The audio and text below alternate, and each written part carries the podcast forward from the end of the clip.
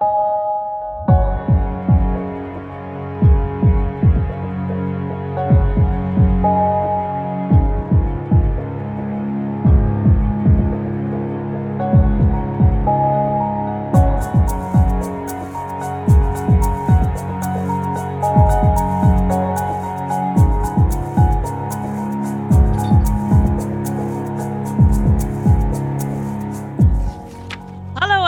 en welkom bij Radio Savannah, de tweewekelijkse podcast van Boekwinkel Savannah B. Ik ben Suzanne. En ik ben Lola. En wij zitten hier dus in Savannah B. Savannah B is een onafhankelijke boekwinkel in het centrum van Utrecht, gespecialiseerd in feministische literatuur. Dat wil voor ons zoiets zeggen als literatuur op het snijvlak van gender studies, queerness en postcolonialism. Ja, en daar maken we nu een podcast over, waarin we allemaal boeken lezen die wij interessant vinden, die nieuw zijn, die we willen aanbevelen aan iedereen die luistert. En deze week lezen wij Sphinx, een essaybundel over uh, mannen en mannelijkheid, samengesteld door Maartje Laterveer. En deze keer lezen wij niet in ons eentje een boek, maar doen we dat met super special guest, Thijs Joris. Yay! Tada! Hoi, ik ben Thijs. Uh, ik zit niet in de winkel op dit moment. Ik uh, zit in het verre Amsterdam. Want ja, daar studeer ik en toen vond ik het een goed idee om daarheen te verhuizen. Mijn hart ligt nog wel in Utrecht, dus ik ben er gewoon bij. Ja, en Thijs, wat doe jij allemaal voor Savannah B? Zoal? Ik ben niet meer echt studentvrijwilliger. daar begon ik wel mee een paar jaar geleden. En sinds vorig jaar ben ik vooral meer betrokken bij de organisatie van de evenementen, zoals bijvoorbeeld Cuticle en Transforming Stories. Deze week lezen wij dus Sphinx uh, met de ondertitel 13 essays over de man. Samengesteld door Maartje Laterveer en dit jaar uitgegeven door Atlas Contact. Maartje Laterveer is uh, journalist en schrijver en publiceerde eerder De mooiste kleur die niet bestaat en Vrouwen en Seks. En vorig jaar stelde zij de essaybundel Wolf samen. Het, het zusje, vriendinnetje van Sphinx. En in Wolf staan 13 essays over de vrouw. In dit boek staan 13 essays over de man. En die gaan wij sowieso niet allemaal bespreken qua inhoud. Dus ik geef heel even snel alle namen van de auteurs die erin staan. Dan krijgt iedereen een idee. En dan kan je daarna zelf het boek lezen. En uh, ook van de mensen die niet in de podcast aan bod komen. Kijken wat ze te zeggen hebben over dit onderwerp. Dus de auteurs zijn, daar ga ik. Mohamed Benzakour, Maurits de Bruin, Maxime Februari, Peter Giese, Martin de Haan, Lotfi Alhamidi, Thomas Heerma van Vos, Hans Hogekamp, Rutger Lem, Jan van Meersbergen, Tjert Postuma, Casper Thomas en Nathan Vos. Oké, nu wat mij betreft kunnen we naar de inhoud. Ik wilde even vragen, uh, Lola en Thijs, waarom dit boek? Waarom willen we dit boek bespreken? Wat is er interessant aan juist deze 13 essays over de man? Wat er interessant is aan dit boek, is denk ik eigenlijk sowieso dat het een verzameling is van heel veel verschillende perspectieven op één soort van zogenaamd hele vaste en rigide categorie. Dus het is altijd interessant om daar verschillende perspectieven op te horen en die te verzamelen. Um, en ik denk wat extra interessant is aan dit boek en ook aan het thema is dat het eigenlijk een respons is op Wolf, of in elk geval in, in relatie staat tot Wolf. En dat het argument wat ook in, in de inleiding door Maartje later weer wordt gemaakt, is ja, eigenlijk hebben vrouwen bestaan er heel veel boeken over vrouwelijkheid en vrouwen uh, en veel minder over mannen. En daarom is dit een interessant boek, uh, boek om te lezen, denk ik, en om, om over na te denken. Fair enough, mooi antwoord. Ja. Ik wil graag een klein stukje voorlezen uit de opening van het essay van Thomas Hirma van Vos. Het heet Anna en ik. En dat begint als volgt.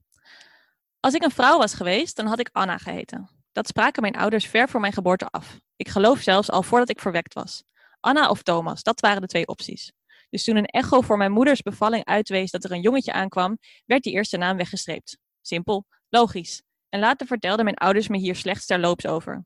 Mijn moeder, die zich als hoogleraar vrouwenstudies jarenlang had bezig gehouden met het beschrijven en analyseren van de seksen, zei dat ze jongen en meisje allebei leuk had gevonden. Verder werd niet over gepraat, als betrof het een statistische bijzaak. Twee inwisselbare synoniemen voor hetzelfde levende wezen. Nooit ging, uh, ging het er nader over welke verschillen er verder tussen die twee namen en dus tussen de twee geslachten bestonden. Wat voor soort leven bij welke naam hoorde. Anna of Thomas, jongetje of meisje. Het leek in essentie hetzelfde. Dan vroeg ik me af, weten jullie hoe jullie geheten zouden hebben als jullie andere seksen geboren waren?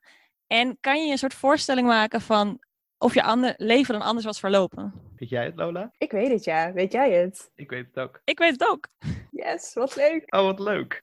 Ja, dit is toch wel een gesprek dat je een keer gaat hebben met je ouders, toch? Blijkbaar. Ik vind het wel een logisch, logische ingang in ieder geval. Ja, nou, ik had Milou geheten, uh, want zo heet mijn zusje ook. En zeg maar, dan maakt die 2,5 jaar verschil ook niet heel veel uit. Dus ja, had dat echt iets anders gemaakt? Moet ik daarvoor verder kijken dan mijn eigen zusje? Ja, weet ik niet. Maar jouw zusje had natuurlijk geen Thijs geheten. Jullie hadden niet twee Thijsen in één gezin gehad. Nee, klopt. Ik weet niet hoe zij dan had geheten. Dat is dan wel weer een stapje verder. Volgens mij was dat nog heel vaag. Dan krijg je allemaal wilde opties. En daar heb ik nooit een serieus gesprek over gehad. Maar dat ik Milou had geheten, was, weet ik wel zeker.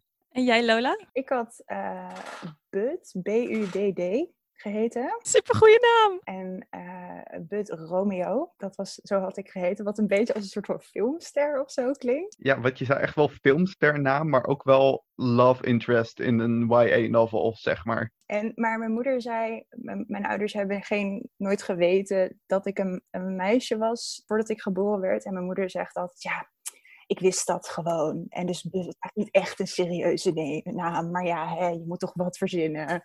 Ja, en toen keek ik dus Wie is de Mol dit jaar. En daar zat een buddy in. Dus dan, nu denk ik dat ik, dat ik een beetje zo was geworden als buddy van Wie is de Mol. Wat nergens op slaat. Maar dat, dat denk ik nu.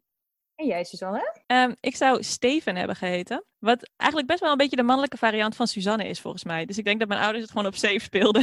ze wisten van tevoren dat ze een Maarten en een Suzanne wilden. Dus mijn broer heet Maarten en ik heet Suzanne. En daarna zijn ze gaan freestylen. Ja. Maar kan je een voorstelling maken van of je leven er anders uit zou hebben gezien? Of kan je daar iets bij voorstellen dat je een man dan wel een vrouw was geweest? Of begonnen te zijn in het begin van je leven? Ik denk uiteindelijk natuurlijk niet.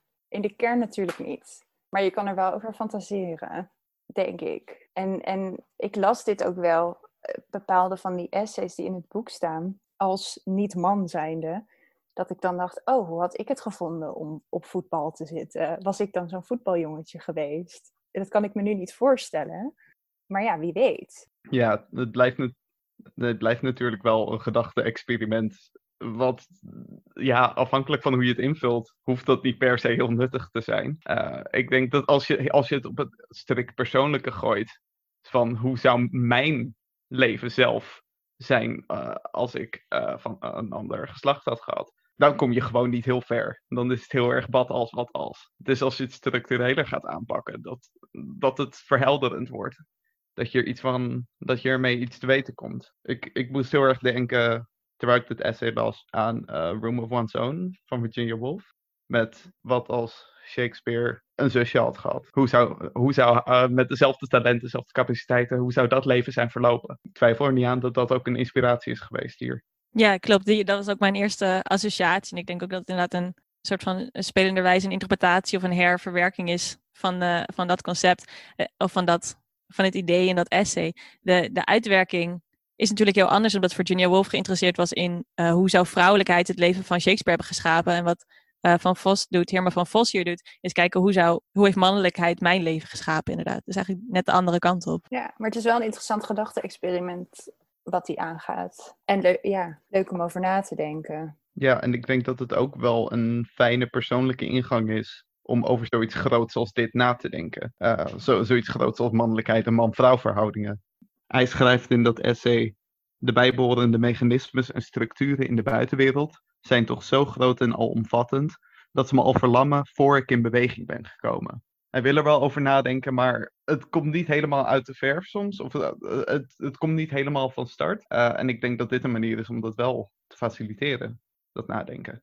En dat is eigenlijk ook, hij, hij verwoordt eigenlijk wat alle essays in deze bundel doen, tot op bepaalde hoogte. Al, er zit, dit zijn geen filosofische traktaten die hierin zitten, op een soort, die op een soort van heel abstract niveau nadenken over, over uh, gender en, en gelijkheid en emancipatie en noem het allemaal maar op. Het zit er allemaal wel in, die concepten, maar de, de ingang is eigenlijk heel erg vanuit de persoonlijke belevingswereld van de auteur. En dan met een bepaalde focus waar, waar hij wat over te zeggen heeft. Ja, dat is denk ik ook wel uh, de kracht of wat ik het interessant vond aan dit boek. Juist die uh, persoonlijke benadering. En omdat de toch wel dertien heel verschillende soorten schrijvers die een andere relatie hebben, best vaak ook tot hun mannelijkheid en tot hun man zijn, die echt aan het aftasten zijn hoe hun mannelijkheid hun dagelijks leven eigenlijk schept. Dus hoe het, wat het betekent om man te zijn en hoe dat uh, met name denk ik ook de verschillende rollen die tot hun beschikking zijn vormgeeft. Ik denk dat dat wel een, een terugkerend thema is.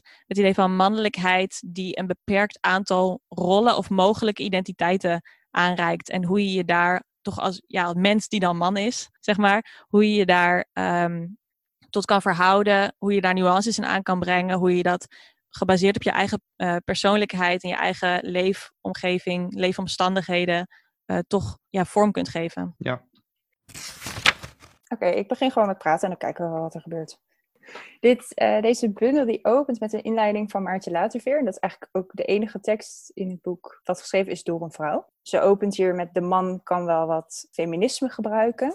En dat het doel van de bundel is dat het de man alternatieven kan geven. Dus een soort van bewegingsvrijheid binnen, binnen het man zijn. En zij schrijft eigenlijk ook wat, wat ik als vrouw wel leuk vond om te lezen over haar soort van uh, realisatie van, oh ja, misschien moet dit boek er komen. En um, zijn mannen uh, gecompliceerder dan ik altijd dacht, omdat er natuurlijk een, een hoop uh, stereotypen in de wereld ronddwalen. En zij zegt dan, nooit heb ik me afgevraagd of mannen wel echt zo zijn en willen zijn. Nooit heb ik me afgevraagd of jongens wel worden wie ze zijn, tot nu. En dat vond ik eigenlijk heel lief. En ook wel uh, herkenbaar eigenlijk. Dat je op een gegeven moment, zeker ook naarmate je opgroeit, denkt van... Oh, wacht. Maartje Luitveer formuleert het als mannen zijn de norm. En dat lijkt me een verdomd krap keurslijf om in te moeten passen. Dus zij, op een gegeven moment realiseer je natuurlijk... En zij realiseert, schrijft die realisatie hierop in dat essay van... Oh, iedereen zit in een keurslijf, inclusief die mannen... voor wie dat keurslijf andere effecten heeft dan het voor mensen eh, heeft die niet de norm zijn. Maar desalniettemin is er een keurslijf. En dat is wel een, een, vond ik wel een prettig startpunt ook voor als ingangspunt in dit boek. En wat er aan hangt, en wat, waar we het denk ik ook nog over kunnen hebben, is dat ze, zij en meerdere mannen in, in deze bundel zeggen: mannen hebben emancipatie nodig en mannen hebben feminisme nodig. En ik vind het ook interessant, uh, dat punt, om te bezien vanuit het perspectief van Savannah B. Omdat wij natuurlijk van huis uit een feministische boekhandel zijn um, begonnen zijn echt als vrouwenboekhandel en later ontwikkeld zijn naar een, een, breder, maar toch nog wel een gespecialiseerde boekhandel. En dan het idee wat soms met name bij klanten die ons nog van, van vroeger kennen, zeg maar van de jaren 70 en 80, het idee dat feminisme voor vrouwen is en over vrouwen gaat. Wat natuurlijk deels waar is, omdat in het feminisme er heel veel werk is verzet over het ontdekken van de complexiteit van de vrouw en de manier waarop de vrouw zichzelf begrijpt in de wereld, et cetera. Maar in principe gaat feminisme natuurlijk over gender in de breedste zin van het woord, waar mannen ook bij horen. Ik vind het interessant om in het boek tegen te komen de vele verschillende perspectieven, uh, ervaringsverhalen van mannen die juist hierop reflecteren binnen dat kader van het feminisme en emancipatie. Ja, ik vond dat uh, ze heel treffend aangaf dat er ook zo'n bundel voor mannen nodig was toen ze het had over slutshaming. En uh, ze schrijft, net zo min als er een mannelijk equivalent voor slet is, is er een vrouwelijk equivalent voor watje. En dat is een zin waarbij ik even bleef staan van, oh ja, dat gaat inderdaad twee kanten op. En toen, toen was ik meteen alweer om. Toen was ik meestal van, ja, oké, we hebben deze bundel nodig. Ik ben klaar voor wat deze dertien mannen daarover te zeggen hebben. Ja, mooi. Maar had jij Thijs ook, um, zeg maar, voordat je dit boek eh, ging lezen en wist dat het bestond, had jij het gevoel van we hebben dit nodig? Ik, ik mis dit in mijn leven? Of... Nou ja, ik denk dat er wel meer over mannelijkheid nog moet worden nagedacht en gepraat. Ik denk niet dat het iets is waar, waar nu al veel aandacht voor is. Maar ik, ik ben er zelf wel veel over aan het nadenken. Maar dat is omdat ik ook een beetje in dat hele genderwereldje rondloop. Maar dan is het alsnog, dan komt het alsnog veel vanuit jezelf en vanuit gesprekken die je zelf hebt. Maar het is juist ook zo fijn om daar zo nu en dan even iets over te lezen. Mensen die daarover nagedacht hebben, ja, dat bij jezelf ook weer dingen doet. Ja, precies. Daar kun je dan jezelf weer tegen afzetten uh, of je aan vastgrijpen. Uh, om, het, uh, om echt die uitgewerkte gedachten van 13 mannen daarover te lezen. Dat is best wel bijzonder best wel nuttig. Ik merkte wel um, dat ik een beetje op twee benen hinkte in het begin. Toen ik het uh, openingsessay voor het eerst las, toen las ik het, misschien vanuit ook een soort van uh, weerwil om het goed te lezen, uh, de claim dat er te weinig verhalen zijn over mannen. En ik denk dat dat is natuurlijk niet waar. Ik denk heel veel verhalen gaan over mannen geschreven door mannen. Door de hele geschiedenis één hebben we een hele overdaad aan verhalen van en over mannen natuurlijk gehad. En nog steeds veel verhalen over vaders en zoons, over mannenvriendschappen, et cetera. Ehm, wat dit boek daaraan toevoegt, denk ik, is het door mannen te laten nadenken over mannelijkheid binnen dit kader van niet per se een feministisch perspectief, maar wel een gender studies perspectief. Um, en dat, dat zorgt dat het wel iets toevoegt, dat we andere stemmen horen, andere verhalen horen, echt over mannelijkheid. Meer dan over een personage dat toevallig een man is. Veel van deze mannen die uh, reflecteren, in sommige essays schrijven ze ook wel voor het eerst, uh, echt over wat hun positie als man nou eigenlijk inhoudt. Uh, dus het is niet zomaar weer een essay van een man, maar een man die nadenkt, actief nadenkt over wat het nou betekent om man te zijn. Wat voor implicaties dat heeft. Dit doet me denken aan het essay van Rutger Lem. Um, want hij schrijft over. Hij en zijn vriendin hebben een kind gekregen en hij schrijft eigenlijk over, zijn, over de manier waarop hij verantwoordelijkheid neemt in de opvoeding van zijn kind. En de ontwikkeling die hij eigenlijk doormaakt is dat hij zich op een gegeven moment realiseert. Hij realiseert, hij realiseert zich dat er, dat er bepaalde structuren zijn en dat uh, hij de neiging heeft om daarin te vallen, omdat die structuren gemaakt zijn voor hem, om het hem makkelijker te maken. En hij, hij leert daarover, of hij, hij ziet dat, en dan denkt hij, oh shit, dat is niet wat ik wil. En dus gaat hij actief wat doen. Dan gaat hij althans een poging doen om actief zijn gedrag te veranderen. En dat is natuurlijk uiteindelijk, denk ik, tot op zekere hoogte wat je wil als je zulke soort essays schrijft en nadenkt over mannelijkheid. Dat je dan denkt, oké, ik weet dit nu en nu neem ik dat mee in mijn dagelijks leven, in mijn gedrag naar anderen en naar mezelf. Je merkt in dat essay denk ik heel erg, je ziet heel erg een man reflecteren op zijn mannelijkheid en echt een beetje schrikken over de rol die mannelijkheid speelt. Er is één voorbeeld, even voorlezen, uh, gaat over afwas doen.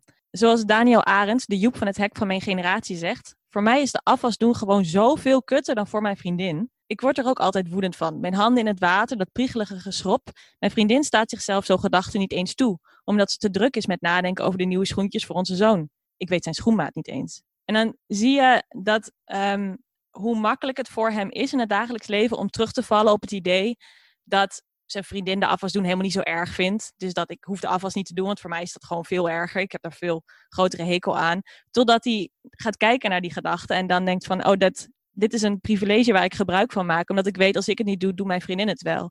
Dus ik kan de afwas gaan doen, maar ik hoef de afwas niet te doen, omdat ik weet dat er een vrouw klaar staat om dit op te pakken. En dat moment van, van realisatie um, brengt echt een soort van, ja, bijna een soort identiteitscrisis bij hem teweeg in dit essay wat mooi was om te lezen, juist omdat hij daar zo open en eerlijk over schrijft. Wat nog wel belangrijk hierin is, denk ik, een belangrijk element, is dat hij weet ook wel in principe hoe het moet in, inmiddels hij weet uh, dat je dit 50-50 moet verdelen. En uh, in zijn hoofd is dat volstrekt normaal. En dat is niet, ook niet wat hem tegenstaat of zo. Maar hij merkt tijdens, of tenminste, hij beschrijft in dit essay heel mooi hoe hij dan, ondanks deze kennis, dat hij alsnog niet zijn deel van het huishouden op zich neemt. dat er een soort van luiheid heel diep in hem uh, verzonken zit. Die hem van jongs af aan is aangeleerd. Uh, en waar hij zich niet zo makkelijk van los kan maken. Zo heb ik dit essay meer gelezen als een soort van strijd tegen die luiheid. Niet als een soort van erachter komen, oh ja, ik zou eens wat meer moeten doen. Maar meer van, Jezus, waarom lukt het me niet om meer te doen? Ja, hij is echt al voorbij de realisatie, zeg maar. De realisatie heeft hij al een soort van geïnternaliseerd. En dan komt hij er dus achter dat dat niet genoeg is, blijkbaar, in dit geval. Ik denk ook omdat hij voor een heel groot deel zijn mannelijkheid, of tenminste, voor een heel groot deel spiegelt hij zichzelf niet zozeer aan zijn vriendin in zijn leven, maar aan zijn vader en de mannelijkheid zoals zijn vader die leefde. Zeg maar, zijn vader was nog veel afstandelijker en veel meer afwezig en veel lakser en veel luier, veel egocentristischer. Dus in vergelijking daarmee is hij al een heel geëmancipeerde man. En het is pas als hij zich gaat vergelijken met zijn vriendin en de rol die zij op zich neemt, dat hij merkt dat die luiheid nog steeds in hem zit. Ik vind het, die ingang met die luiheid vind ik heel interessant, want het gaat in wezen natuurlijk om entitlement. Zeg maar het gevoel dat je iets niet hoeft te doen, maar de ander, de, uh, zijn vriendin in dit geval, uh, wel. Want dat is nu eenmaal zo. Maar dat hele woord entitlement valt niet. En ik vond dit een hele sympathieke invulling van dat idee. Het, gaat, het is niet van, hij denkt niet actief oh, ik hoef dit eigenlijk niet te doen, want ik ben beter dan zij. Maar hij vult het in als een soort van. Eh, die luiheid maakt het eigenlijk iets negatiefs dat in hem zit en waar hij eigenlijk van af wil. Hij ziet, uh, door het zo te benoemen, het bij zichzelf als een probleem. En het is niet iemand van buiten die tegen hem zegt: Oh, je doet dit verkeerd, oh, je voelt je zo goed. Nou ja, hij, wat hij, wat, het komt inderdaad niet van, van buitenaf dat hij, dat hij zich realiseert van, oh, ik moet wat veranderen. Maar hij verzwelgt ook niet in zelfmedelijden. Dat was ook niet, dat, dat vond ik ook prettig hieraan om te lezen. Dat het niet was van, oh, help, ik ben een man en nu weet ik niet meer wat ik moet doen, want ik moet in actie komen. En wat ben ik toch een rotmens dat ik dat niet al die eerdere jaren van mijn leven heb gedaan. En misschien heeft hij dat allemaal wel gedacht in dat hele proces, maar het heeft hij in ieder geval niet opgeschreven. En dat is heel fijn, want je ziet hem er doorheen werken en je krijgt een soort van afgespeelde versie van zijn proces mee. Een soort van, hoe zeg je dat, versnelde versie van zijn proces. En dat, daardoor is het en productief, want hij zegt eigenlijk van, nou, dit is eigenlijk nu hoe ik probeer in het leven te staan. En dat maakt het ook hoopvol. Of een soort van, het zet een soort veranderingsmogelijkheid in gang. En dat, ik kwam eruit en ik dacht, ah ja, fijn dit. Let's go. Nice. Er is hoop voor mannen. Ja, ja. dat is de tagline voor dit boek. Er is hoop voor mannen. Het is denk ik wel een mooi eh, voorbeeld van wat de meerwaarde van deze essays en deze bundel is. Dat je zou dit verhaal, ik denk dat wij hebben dit verhaal op verschillende manieren al wel gehoord. Vanuit een ander perspectief, vanuit een ander motief om te schrijven, denk ik ook. Vanuit een vrouw eh, die zich beklaagt dat een man niet afwast. En vanuit een man die zegt, ik moet door die emancipatie nu opeens gaan afwassen. Het is allebei deze dingen niet. Het is echt een realisatie van een man over de positie die hij inneemt in zijn huishouden, in zijn gezin. eh, en waar hij naartoe zou willen werken. En hoe dat wel of niet lukt.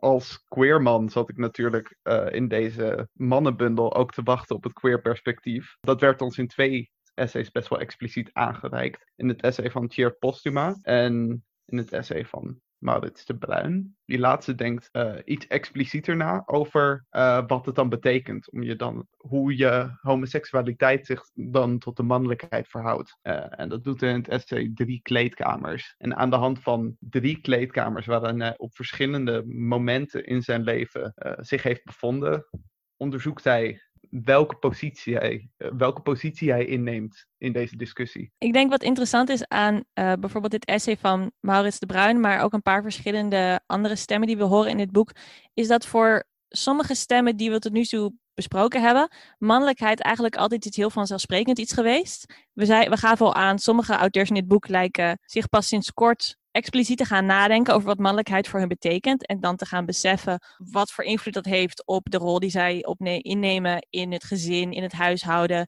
de manier waarop ze zich verhouden op het werk, et cetera.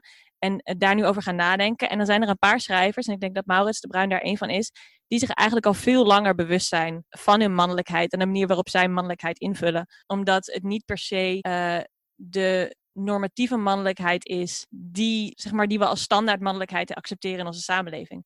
En ik denk dat je daarin ook merkt dat essays zoals die laten heel mooi de nuances zien van iemand die opgroeit met een vorm van mannelijkheid die net weer iets anders is en daardoor constant ja, daar zelf bewust uh, van is.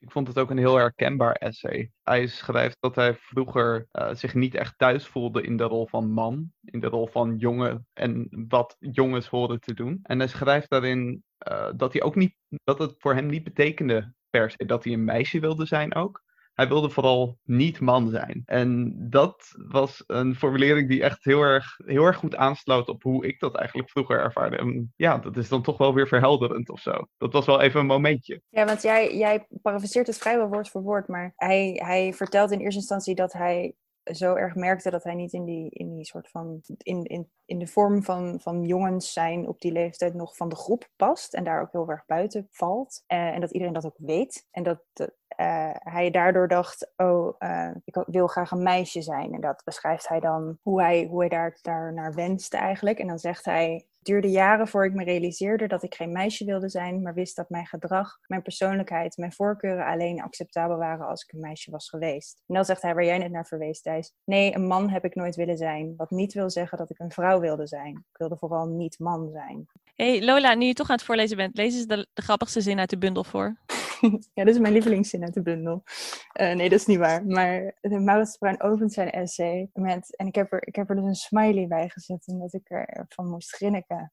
Hij zegt, ik was natuurlijk niet goed in voetbal, daar kan ik kort over zijn. Wat eigenlijk ook het hele essay eigenlijk samenvalt ongeveer. Ja, eigenlijk wel hè. Maar ja, eigenlijk kunnen we er ook kort over zijn, maar dat, dat zijn we niet, want dit is een essay en ik ga hier heel, heel diep en, en mooi over nadenken. Maar ja, ik moest, ik moest daar dus wel om grinniken. Ja, ik vind eh, het essay van Maurits de Bruin interessant, omdat het eigenlijk heel duidelijk da- die opdracht oppakt die Maartje Laterveer in haar openingsessay ze- neerzet. Het idee van mannelijkheid als iets eendimensionaals, als iets stereotyperends. Hij noemt het volgens mij een leger. Heel veel mensen in het boek hebben het over mannelijkheid als een soort gevangenis. Vastgeroeste rollen waar je maar naar te voegen hebt. En wat Maurits de Bruin heel duidelijk doet, is laten zien dat de wereld zo niet in elkaar zit, dat mensen zo niet in elkaar zitten. Dat het niet of het een of het ander, of een man of een vrouw is. Ehm, en dat je als persoon, als mannelijk persoon, ehm, de ruimte moet zien te vinden om zelf in te vullen wat mannelijkheid voor jou betekent. En ik denk dat als queer schrijver dat hij daar een heel eh, zorgvuldige blik voor heeft ontwikkeld of een zorgvuldige stem voor heeft ontwikkeld om dat te verkennen. Op een gegeven moment introduceert hij ook heel terloops de termen eh, heteroseksuele mannelijkheid en homoseksuele mannelijkheid. Eh, hier gaat hij verder niet heel erg op in, maar het laat zich raden wat betekent. Het, mannelijkheid betekent iets anders voor je als een homoseksuele man. Dus dat moet ook op een andere manier ingevuld worden. Los van dat heteroseksualiteit, eh heteroseksuele mannelijkheid ook op een heleboel verschillende manieren vorm kan krijgen. Geeft iets aan van die meervoudigheid waar ze naar op zoek zijn in deze bundel als geheel. Ja, want dat is wel interessant dat hij, hij schrijft heel duidelijk van ik, ik kan niet, ik kan en wil niet in een bepaalde mal vastzitten. Eh, maar hij, hij schetst ook een beeld van, van wat hij in zijn community ziet als een verheerlijking van die mal. En van, van die soort van hele stereotype mannelijkheid. Eh, en dat ziet hij dan in de, in, de, in de jongetjes van de voetbalclub. En in de, de sporters die hij tegenkomt. In kleedkamers en in de, ja, de legerporno waar het op een gegeven moment over gaat. Hij schrijft daar heel zorgvuldig over. En hier ook niet met een. Hij presenteert geen antwoord of zo daarop. Ja, maar hij laat heel scherp zien hoe pervers die omgang met die norm dan wordt. Ja, en hij, hij veroordeelt dat niet, maar hij constateert heel helder van aan de ene kant een, een bewustzijn in zichzelf al vanaf hele jonge leeftijd van ik, ik pas hier niet in, ik hoor hier niet bij. En op een gegeven moment dat wil ik ook niet. En tegelijkertijd ehm, het niet los kunnen weken van een bepaalde aantrekkingskracht op wat voor, wat voor niveau dan ook van die, die soort van, ja, die vormen van mannelijkheid. Ja, en daar kun je ook niet echt los van maken of zo. Dat, dat, daar zit je nu eenmaal in vast. Hij schrijft eh, de stelde vorm van mannelijkheid die door onze maatschappij nog steeds wordt op, eh, opgehemeld, blijft voor de meeste homomannen onbereikbaar. En juist daarom wordt hij zo verheerlijkt. En die juist daarom geeft het ook, ja, iets onvermijdelijks. Dit, dit, hier zit je aan vastgeklonken op een bepaalde manier. Ja, en hij zegt iets later in het stuk, zegt hij... Ik dacht altijd te weten wie ik zou zijn als ik geen man was geweest. Maar ik kan mezelf niet losweken van die categorie. Als ik eerlijk ben, heb ik de afgelopen jaren geprobeerd er steeds beter in te passen. En dat, dat is een bijna ja, een soort van omgekeerde beweging... als die we zagen bij Rutger Lem op een gekke manier. In een hele andere context hoor, maar dat, dat hij dus constateert bij zichzelf van... Oh ja, ik, ga, ik wil blijkbaar toch. En met, naarmate ik ouder word, steeds meer. Wil ik wel meer daarmee. Ja, nee, maar ik snap wat je bedoelt. Maurits de Bruin, eh, het, uitgangspunt bij hem is, eh, ik heb, lijkt me een soort van hebben vrijgevochten van de norm, maar ik blijk er toch wel in heel veel opzichten aan vast te zitten. Terwijl je bij Rutger Lem juist ziet dat hij zich, ook al kost het wat moeite, wel aan het losweken is. En dat zou ook wel een soort van golfbeweging zijn, denk ik, in eh, hoe je zelf over eh, die hele kwestie van mannelijkheid en vrouwelijkheid nadenkt dat je de hele, eh, de hele tijd denkt, oh, nu kom ik er weer van los en nu zie ik toch weer een andere manier waarop dit toch weer doorwerkt. En ga je je daar weer van bevrijden, enzovoort, enzovoort. Nou ja, wat, waar, waar hij het ook veel over heeft, en dat komt ook terug in dat, in dat essay van Tjurk Postuma, dat hij zich heel erg schaamt. En dat dus mannelijkheid niet alleen iets is waar, waar je je in opgesloten kan voelen, maar waar dus ook echt een heel sterk gevoel van schaamte aan vasthangt. Bijna inherent aan lijkt te zijn, als ik het zo lees. Als je dus niet kunt voldoen op, op een manier aan die norm van mannelijkheid. En dat, dat komt in meerdere essays terug. En dat leek me belangrijk om dat toch even te noemen. Dat dat ook een thema is wat, wat ehm, onderzocht wordt in deze bundel. Ja, en dan zie je bij Tjeerd Postuma nog eens op een heel interessante manier dat hij die schaamte ook weer een soort van zich wil, eh, zich wil toe-eigenen. Wil terugpakken. Zo van, ik, own deze schaamte. Uh, het is deel van mij en daardoor overwin je het ook weer. Want in, in zijn essay Vuilniswagen met je naam erop beschrijft hij een relatie die hij had, of een soort van verhouding, affaire met een oudere man. Met dus een soort van ongelijke machtsverhouding daarin. En hoe dat hem eigenlijk gevormd heeft, hoe hij daarop terugkijkt, hoe dat in zijn werk ging. Ja, en vooral hoe hij zich daar nu achteraf toe verhoudt. Ja, wat ik interessant vind ook is dat hij in dat essay benoemt dat een, een groot deel waar de schaamte voor hem vandaan komt, is die slachtofferrol innemen, die niet past bij een meer traditioneel idee van mannelijkheid. En hij schrijft op een gegeven moment in een van de laatste uh, passages, schrijft hij, Liever span ik zelf iemand voor mijn karretje dan dat ik de ezel ben. Dan dat ik me als roodkapje laat overvallen en een schijnhoofdpersonage blijkt te zijn. Liever nog zou hij die daderrol bijna op zich nemen, omdat dat in ieder geval een mannelijke rol is in deze situatie, dan dat hij zichzelf uh, kan herkennen in die slachtofferrol. En dat gaat eigenlijk wel heel erg ver, denk ik, met zo'n als je dat soort gedachten toelaat, inderdaad, als mannelijkheid je tot zo'n schaamte dwingt, zo'n dwingende rol heeft op hoe jij jezelf wil zien en wil dat anderen jou zien, ehm, dat je die rollen nog liever omgekeerd mee zou maken. Zo had ik het nog helemaal niet opgevat. Dat, die, dat het oppakken van die daderrol ook zo met die mannelijkheid uh, verband houdt. Volgens mij legt hij de relatie tussen die daderrol en die mannelijkheid niet expliciet. Uh, ik denk dat dat uh, een hele interessante observatie is. Maar ik heb het vooral gelezen als iets wat op zichzelf staat. Zo van, ik wil gewoon de autonomie uh, hebben over deze situatie. Dat is interessant. Misschien is dat mijn, als vrouwelijke lezer, dat ik dit hierin lees. Want ik ken deze verhalen in heel veel verschillende contexten, waarin de rol die hij erin neemt uh, vaak wordt ingenomen door een vrouw. Waarin een man misbruik maakt van een vrouw in zo'n situatie. Uh, en heb ik misschien die vrouwelijkheid zelf geprojecteerd daarop. en het zo meegenomen. Dat zou zomaar kunnen. Nou ja, ik denk dat het wel een goed punt is alsnog. Want ik denk dat het wel een dynamiek is die wel speelt op een bepaalde manier. Want je hebt met die uh, binaire eigenschappen van mannelijkheid te maken, zo van de dominantie en de macht. En de, weet je wel. Dit is ook een iets meer verhalend essay. Het, het, er zit niet zo heel veel reflectie in voor mijn gevoel, behalve dan aan het einde. Uh, het laat vooral veel aan de verbeelding over. En dat doet dat blijkbaar op een uh, nuttige manier hier. Dus ja, ik, weet niet. Ik vind het niet zo'n gekke interpretatie. Ik heb juist andersom zoiets van, oh, had ik dat erin moeten lezen? Dus dat vind ik alleen maar leuk. En ik denk wat het, wat het op een heel soort van bazaal niveau doet, uh, als je het leest in, in de de context van MeToo en ongelijke uh, relaties met ongelijk machtsverhoudingen en gebruik. Het feit dat dit verhaal in een boek staat over mannen en mannelijkheid maakt daar ook een punt tegen. Natuurlijk gebeurt dat ook, zijn mannen ook slachtoffer. Er zijn vrouwen die daders zijn, er zijn mannen die daders zijn tegen uh, mannen. Maar het feit dat dit, dit verhaal hierin zat, waar dus een man een dader is tegen een man en daar een hele ongelijke relatie is en daar misbruik plaatsvindt. En hoe gecompliceerd dat is en hoe, hoeveel gaslighting en, en noem maar, maar op er allemaal plaatsvindt. Dat vond ik ook al een, niet verrassend, maar wel waardevol. Ja, een mooie toevoeging ook op een, een, verkenning van mannelijkheid en de manier waarop het mensen vormt en mensen ja, tot bepaalde rollen dwingt, tot bepaalde reflecties aanzet. Ja, en hij vult die schaamte hier ook wel heel positief in nog, eigenlijk wel. Dat wil ik nog even toevoegen. Want hij schrijft, Schaamte is een staat van zijn die ons overkomt als we afwijken van de norm. Zo definieert socioloog Norbert Elias de term. Ik vind die definitie interessant omdat het de tijdelijkheid benadrukt. Schaamte is iets wat je te boven kunt komen. Daarin onderscheidt schaamte zich van zelfhaat. En omdat er een belofte in zit. De belofte van eigenheid, van persoonlijkheid. En daarmee maakt hij die schaamte echt wel iets wat deel is van hem. En wat hij toch wel een beetje viert op die manier. Dan krijg je toch wel weer die positieve invulling die we soms wel een beetje missen. Ja, in geval, hij, hij accepteert het en hij, dus, is dubbel, maar hij schaamt zich er niet voor, zeg maar, dat het, er, dat het er is. Ja, hij schaamt zich niet voor zijn schaamte. En hij zet het op dezelfde hoogte als trots en talent, een paar zinnen later. Mag ik met mijn magnifieke bruggetje komen?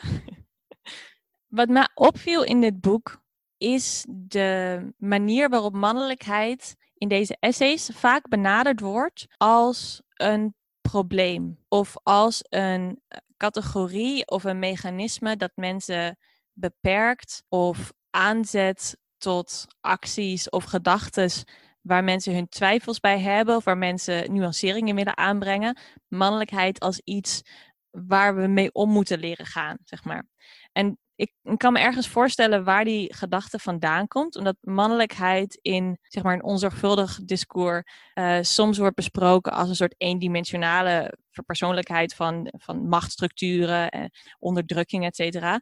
Uh, dus ik kan me voorstellen dat mannen die dynamiek of die connotaties voor een deel meenemen in hun reflecties over hun eigen mannelijkheid. En wat ik wel interessant vond zijn dan juist een paar essays waarin mannelijkheid ook iets is om naar te streven, zelfs misschien om te vieren of om in ieder geval de, de rijkheid en de potentie van mannelijkheid ook te laten zien.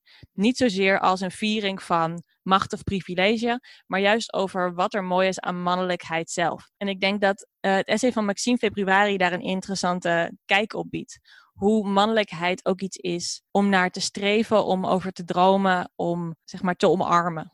Nou ja, ik denk wat, wat, wat dit essay als eigenlijk een van de, niet een van de weinigen, maar wat dit essay heel expliciet doet, is ook terug te gaan juist naar het lichaam en naar biologie en naar een soort van fysieke kenmerken tussen mannen en vrouwen. En Maxime Februari zegt daarover, vat dat eigenlijk samen als, uh, ik, ga het, ik ga het even quoten, ik doe het. Ik ben er nog steeds van overtuigd dat je lichaamskenmerken niet bepalen wie of wat je bent. Je kunt een man zijn in een vrouwelijke gedaante en om welke reden dan ook besluiten die, te gedaante, die gedaante te behouden. Maar andersom ben ik er ook diep van doordrongen geraakt hoeveel invloed je lichaam heeft op je identiteit. Fysieke kenmerken zijn geen bijzaak. En later refereert hij naar mannelijkheid en, en vrouwelijkheid als, als een soort van kluwen van, van, van nature, nurture, van anatomie, van opvoeding, van cultuur, maatschappij, noem maar maar op. En het is een soort uh, toevoeging bijna ook op de, het stuk waar we de podcast mee openden van Thomas Herman van Vos, van wat als jij Anna had geheten, of hij dan, uh, en ik put Romeo.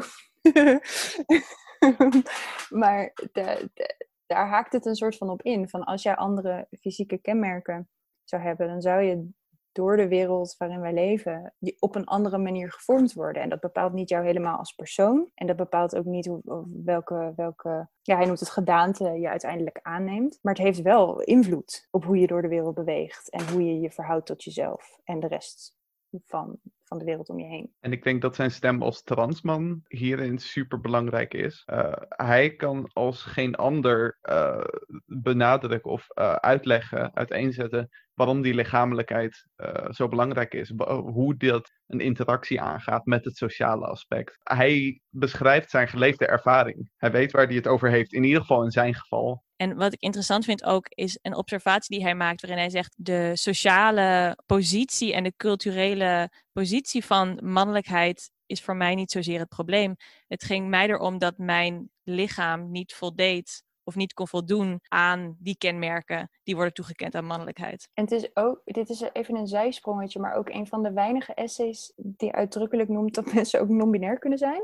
Dat is een, een soort van lospunt over deze bundel. En, en er, er wordt in categorieën gedacht. En er wordt uh, ook wel genoemd van er zijn ook mensen die. We hebben categorieën en er zijn ook mensen die daar niet in, die daar niet in vallen. Um, hij, hij gebruikt volgens mij het woord non-binair. En dat waardeerde ik wel in een, in een bundel die ging over hokjes. Ik vond het ook heel verhelderend hoe hij uh, een verschil aanbracht tussen man zijn en mannelijkheid. Uh, daarin is man zijn niet het hebben van een mannenlichaam, maar het comfortabel zijn met uh, het label man.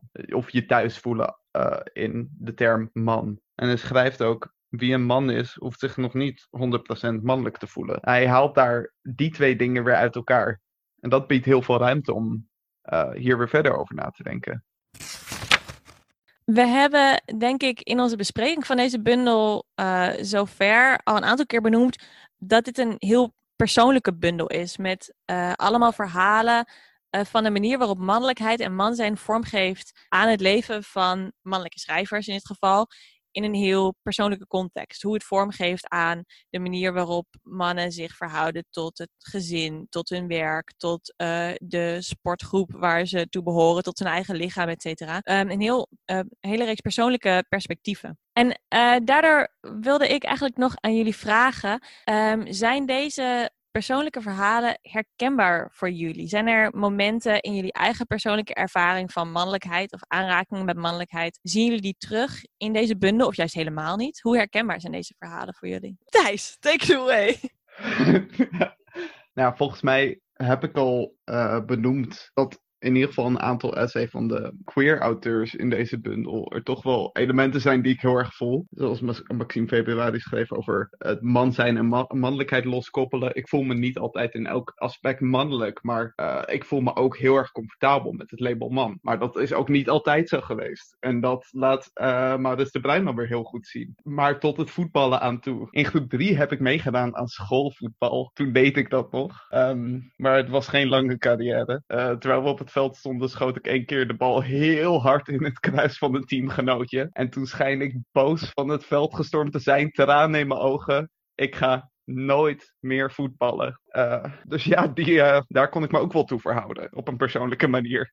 Ik heb natuurlijk als, als vrouwelijke lezer, net als Suzanne, dat ik minder een soort van een één op één vergelijking kan maken tussen de situaties waarin deze mannelijke schrijvers over schrijven en, en mijn eigen leven. Maar wat ik wel herken is het zoeken naar jouw plek binnen een hokje. Eigenlijk, dat is denk ik de, de, de samenvatting ervan. Dus het aftasten van, oh ja, waar, waar voel ik me binnen een bepaalde categorie, die dus die soort van sociaal-cultureel is vastgesteld. Waar, waar kan ik me mee identificeren? Waar voel ik me in thuis? Waar kan ik me in vinden? En wat is niks voor mij? Terwijl eigenlijk dat volgens bepaalde stereotypen wel zo zou moeten zijn. En ja, dat dat ook het idee ook dat dat een soort van blijvend iets is. Dat naarmate je ouder wordt en in een nieuwe levensfase komt, dat er dan zich dus andere vragen opwerpen. En dat dat de afweging die je maakt dus niet meer is ga ik op voetbal of ga ik op ballet? Uh, ik ging op ballet.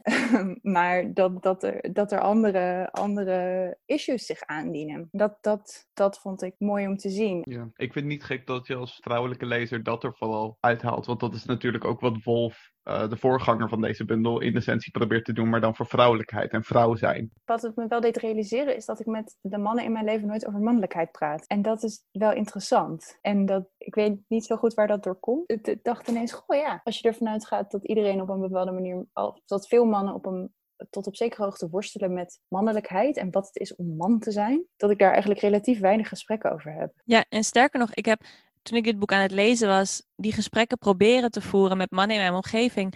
En daar, dat was heel moeizaam. En misschien waren mijn vragen daarin ook te, te abstract, maar vragen over van, goh, wat betekent mannelijkheid voor jou? Of hoe voel je je man? Wat vind je mooi aan mannelijkheid? Wat vind je fijn aan mannelijkheid? Wat vind je bedreigend aan mannelijkheid?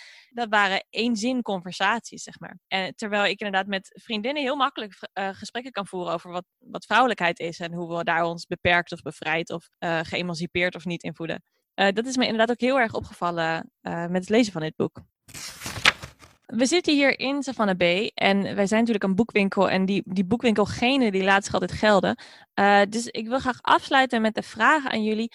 Wie zou dit boek moeten lezen? Aan wie zou je dit boek aanraden? kan zijn aan, aan welke klant in de winkel zou je dit boek aanraden? Of wie in je leven? Wat voor soort lezer zou dit boek moeten gaan lezen of willen lezen? Je wil natuurlijk heel snel zeggen, oh, dit boek moet je aanraden aan de persoon. Uh, dit boek is een aanrader voor degene die wil nadenken over mannelijkheid. Ja, ik denk dat het een heel fijn boek is voor een lezer die nog nooit over uh, mannelijkheid nagedacht heeft. Omdat je echt een soort staalkaart krijgt van een heleboel verschillende perspectieven. Een heleboel verschillende soorten auteurs die allemaal op een eigen manier het onderwerp benaderen. En ik denk echt dat er voor iedereen wat tussen zit. En wel minstens één idee uh, in is te vinden waar je mee aan de haal kunt waarvan je denkt van hé, hey, maar dit is precies zo, zoals ik dit ook ervaar. Of oh ja, zo kan het ook. Dus ik zou zeggen, degene die hier nog niet over heeft nagedacht.